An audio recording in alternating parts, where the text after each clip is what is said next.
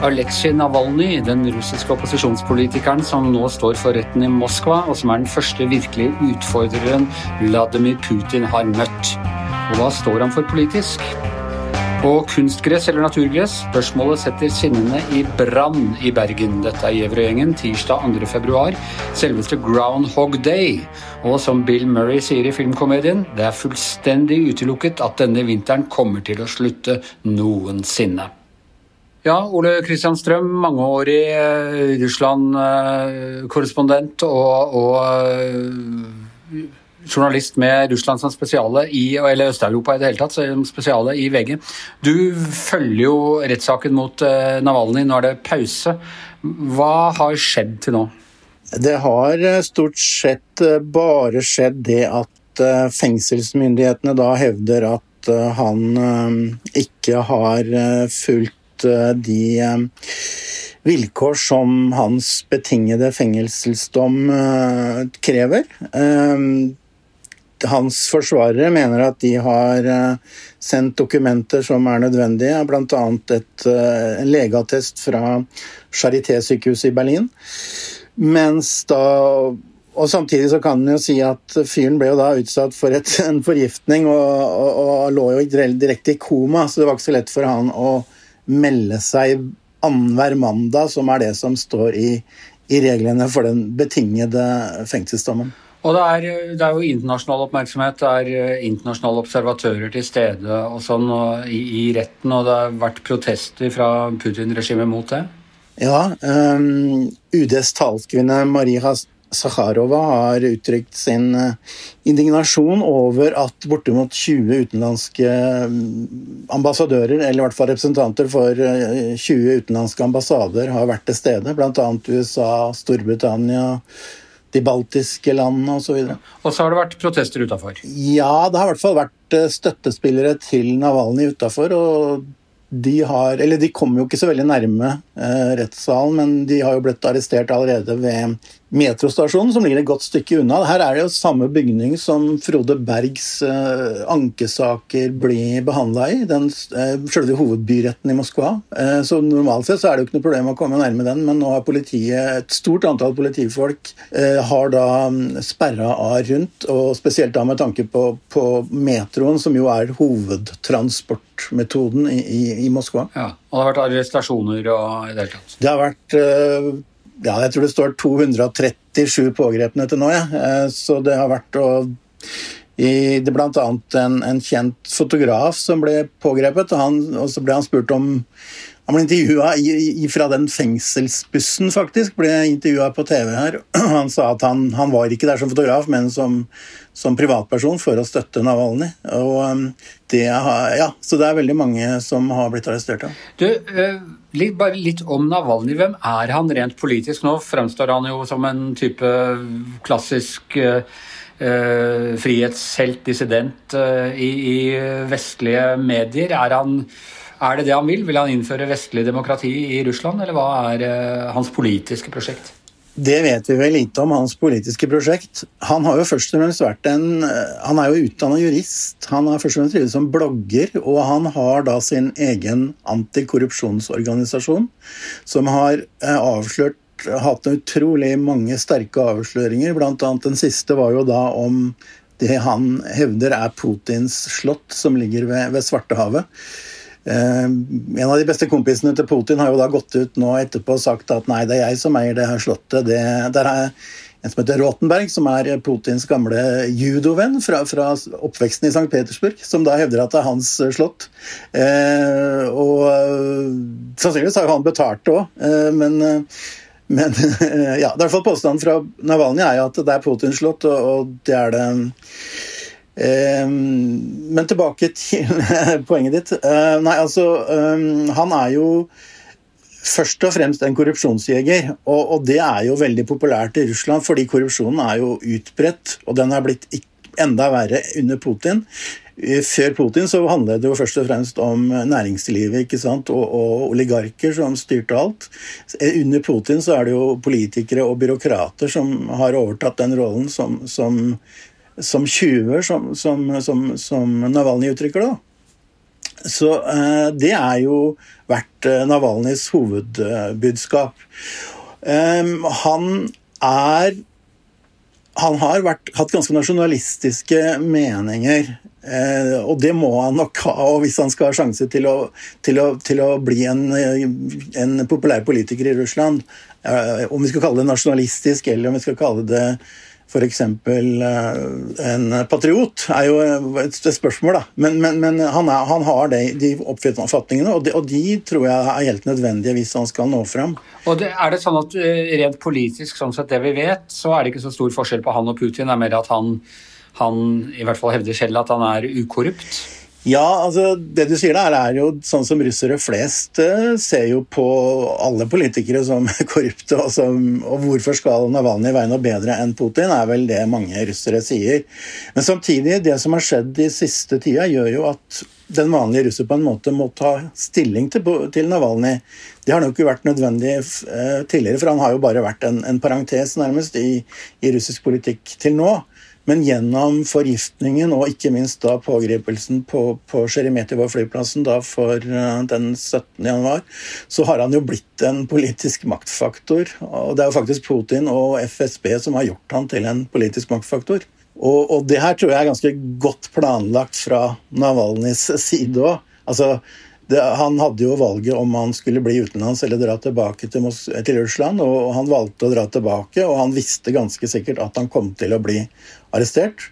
Jeg så på reaksjonen til både han og kona da de var på flyplassen. Det var ingen tvil om at det her var noe de, de hadde regna med. Nevner kona, så jeg må jo si De ser jo også ut de er som et sånt russisk Kennedy-par. Uh, eh, JFK og, og, Jacqueline eller noe sånt. Det er virkelig sånn uh, stjernepotensialet i dem uh, på den måten.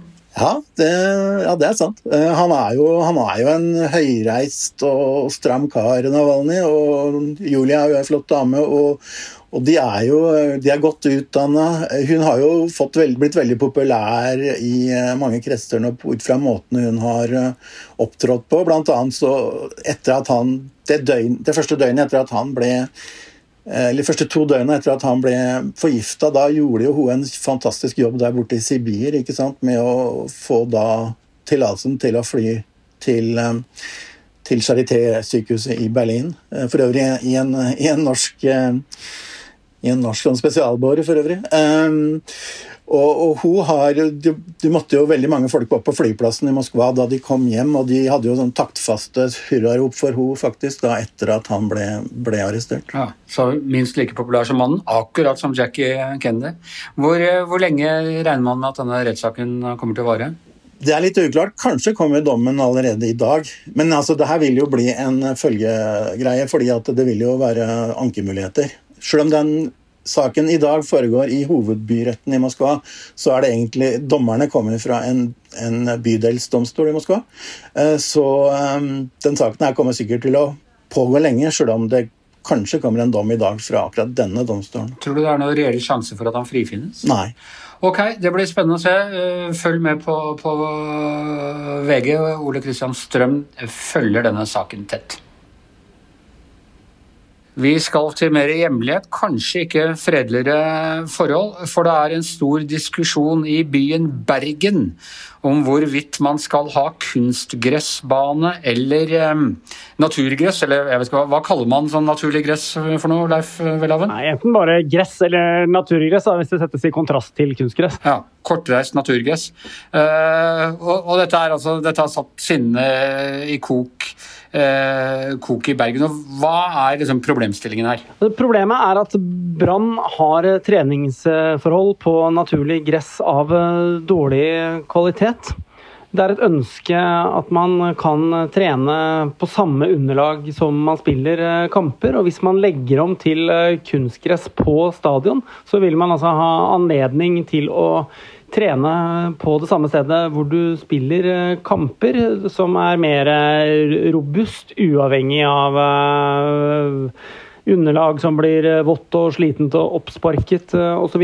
Som gjør at altså, ledelsen i uh, Brann mener at de får et bedre sportslig utbytte av å legge om til kunstgress, og det er det veldig mange medlemmer som er uenig i. Hvorfor er de det? Når du presenterte det nå, så høres det ut som den eneste fornuftige løsningen. Det handler veldig mye om tradisjon, om estetikk, om hva fotball forbindes med. I de aller fleste land så er det en selvfølge at fotball spilles på naturlig gress.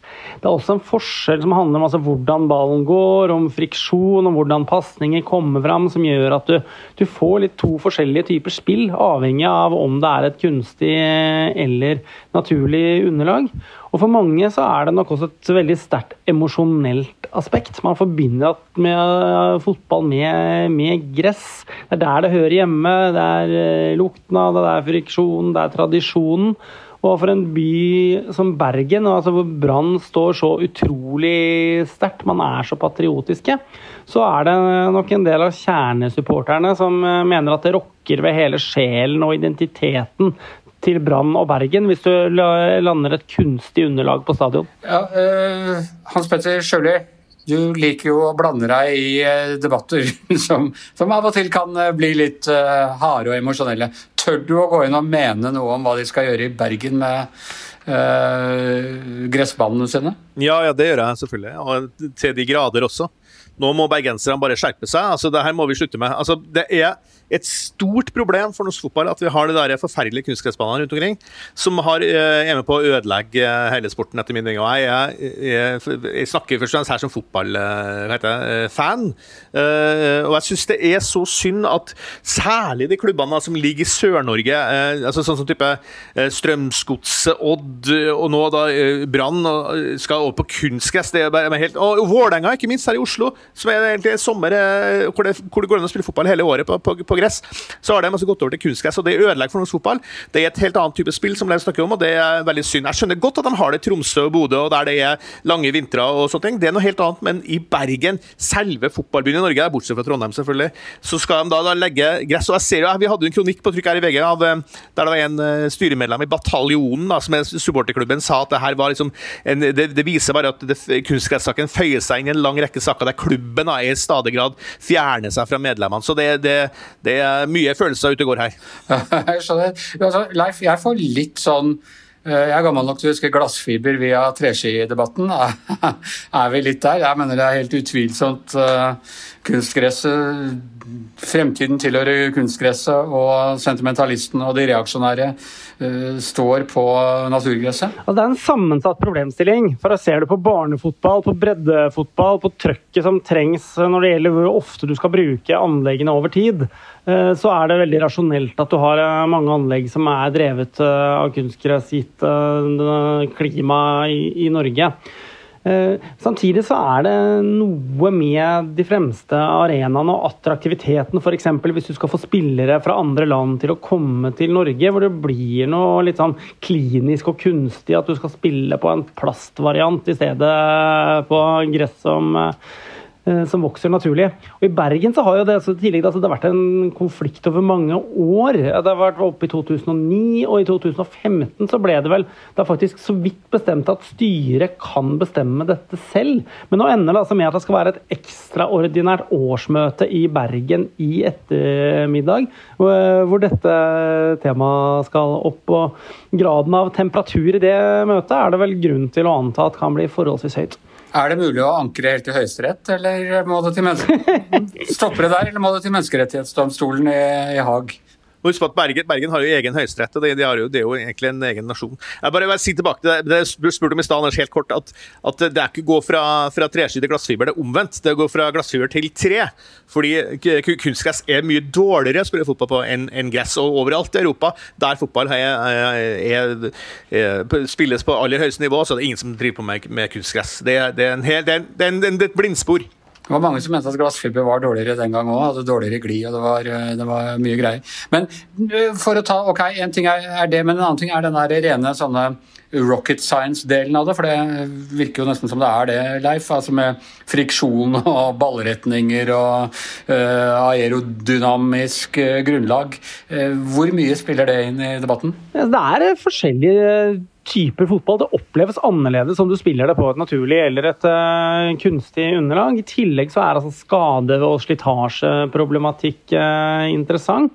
Og man merker jo at veldig mange toppspillere er veldig imot å skulle spille på kunstgress, samtidig som trenden går helt tydelig i en retning som gjør at du snart bare har en håndfull klubber igjen i Eliteserien som spiller på naturlig gress, og på nivå to er det vel bare et par, et par stykker. Så Norge blir mer og mer en kunstgressnasjon. Og så er det noe med symbolikken. altså Rosenborg har fortsatt uh, Eh, holdt igjen fra å bli, fra å bli helt uh, bitt av denne basillen. Og det er noe med at hvis, hvis, det, hvis det når Bergen, får du kunstgress i Bergen, så er det et liksom point of no return. Og en, det er en symbolikk her altså, som er ganske tung. Hvis Bergen faller, så er slaget tapt. Og dette ekstraordinære årsmøtet, det er nå? Det er klokken 18 i ettermiddag, er det vel? Ja. Hans Petter, hvis fotball er følelser, og det er mitt bestemte inntrykk at det er, er det noe som helst sjanse for at kunstgresset kan seire over det gode, gamle jordsmonnet med de gamle grastustene? Ja, du mener sånn fotball generelt, eller i Bergen? Ja nå, ja, nå tenker jeg i Bergen, hvis det da er eh, hvis det er sivilisasjonens siste skanse, liksom? Ja, altså, det, det kan jeg si det, jeg tror temperaturen på det møtet kommer til å bli ganske høy. Jeg er veldig redd for det, at de gjør det. fordi det som Leif sier, altså Hvis Bergen faller, så tror jeg det blitt veldig press på, på de andre lagene som har igjen. og det, og det og synd, altså, det er, så, det er, nesten trist å tenke på at det er blitt sånn, fordi Norge henger sånn etter i, i internasjonal fotball også, så at vi skal bli der, altså, vi skal på en måte profilere oss på kunstgress, det syns jeg bare det, det synes jeg er reaksjonært. Nei, hvis Bergen skulle falle, så må dere gå og fortelle Sparta om vår død. Det blir altså avgjort nå, nå i kveld. I'll give you a winter prediction. It's gonna be cold, it's gonna be gray, and it's gonna last you for the rest of your life.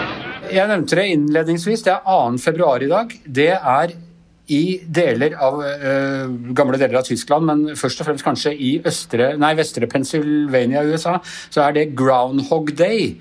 Det er den dagen uh, jordmurmeldyret kommer ut, ser om det kan oppdage sin egen skygge og hvis det ser sin egen skygge, så trekker det seg Ikke kan se sin egen skygge, så, så trekker det seg inn i øh, hulen sin igjen, og da betyr det tre uker til med vinter. Det er en gammel sånn sær øh, tysk-amerikansk skikk.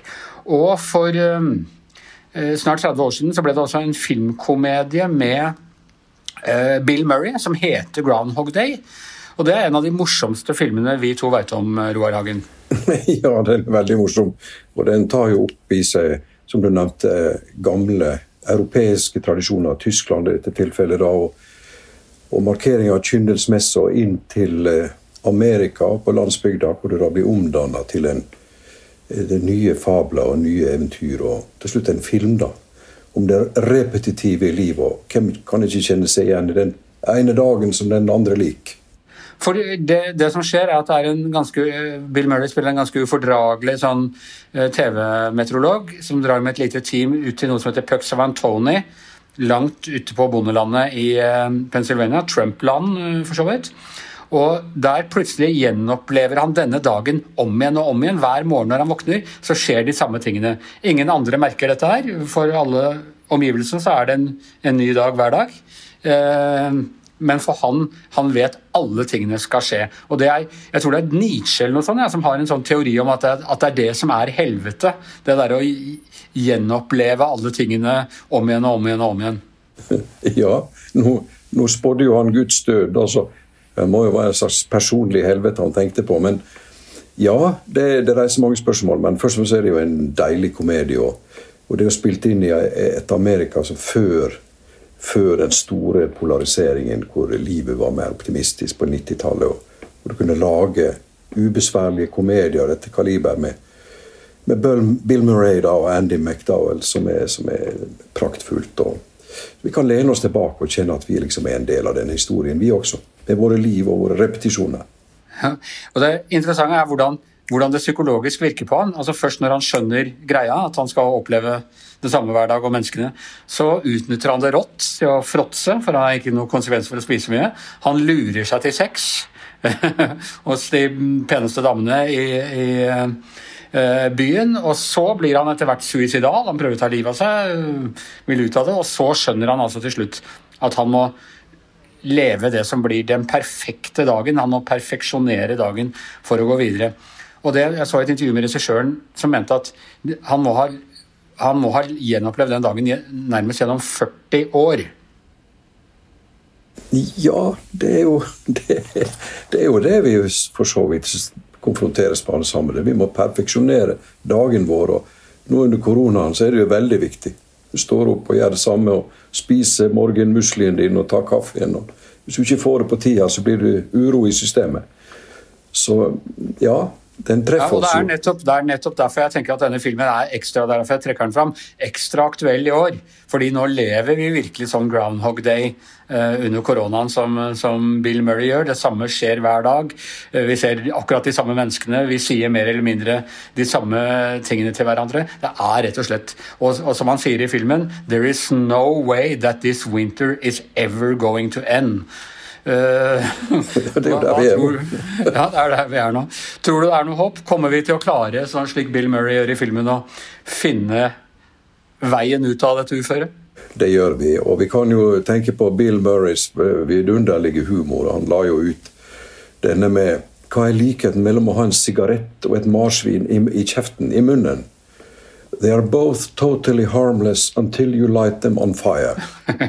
så, så, eh, Nei da, vi, vi, vi, kan, vi, kan Alle som, vi som har sett filmen før, vi må se den igjen. Og folk som ikke har sett filmen, må hente den fram.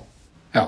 Er, jeg trodde den lå på Netflix, men jeg sjekka nå og ser ut som den er tatt av. Det går litt eh, inn og ut der. Men det er virkelig en dag for å lyse opp i denne litt traurige vinteren. Hvis du ikke har sett uh, Groundhog Day, så se den i kveld. Og hvis du har sett den, se den igjen. Det er noe av poenget med filmen at man ser den igjen og igjen og igjen. Uh, og med det så er Gjever og gjengen over for denne gangen i hvert sitt uh, hjemmestudio. Ole Kristian Strøm, Roar Hagen, Leif Welhaven, Hans Petter Sjøli. Jeg heter Anders Gjever, og mannen som produserer denne podkasten, igjen og igjen og igjen, er vår produsent Magne Antonsen.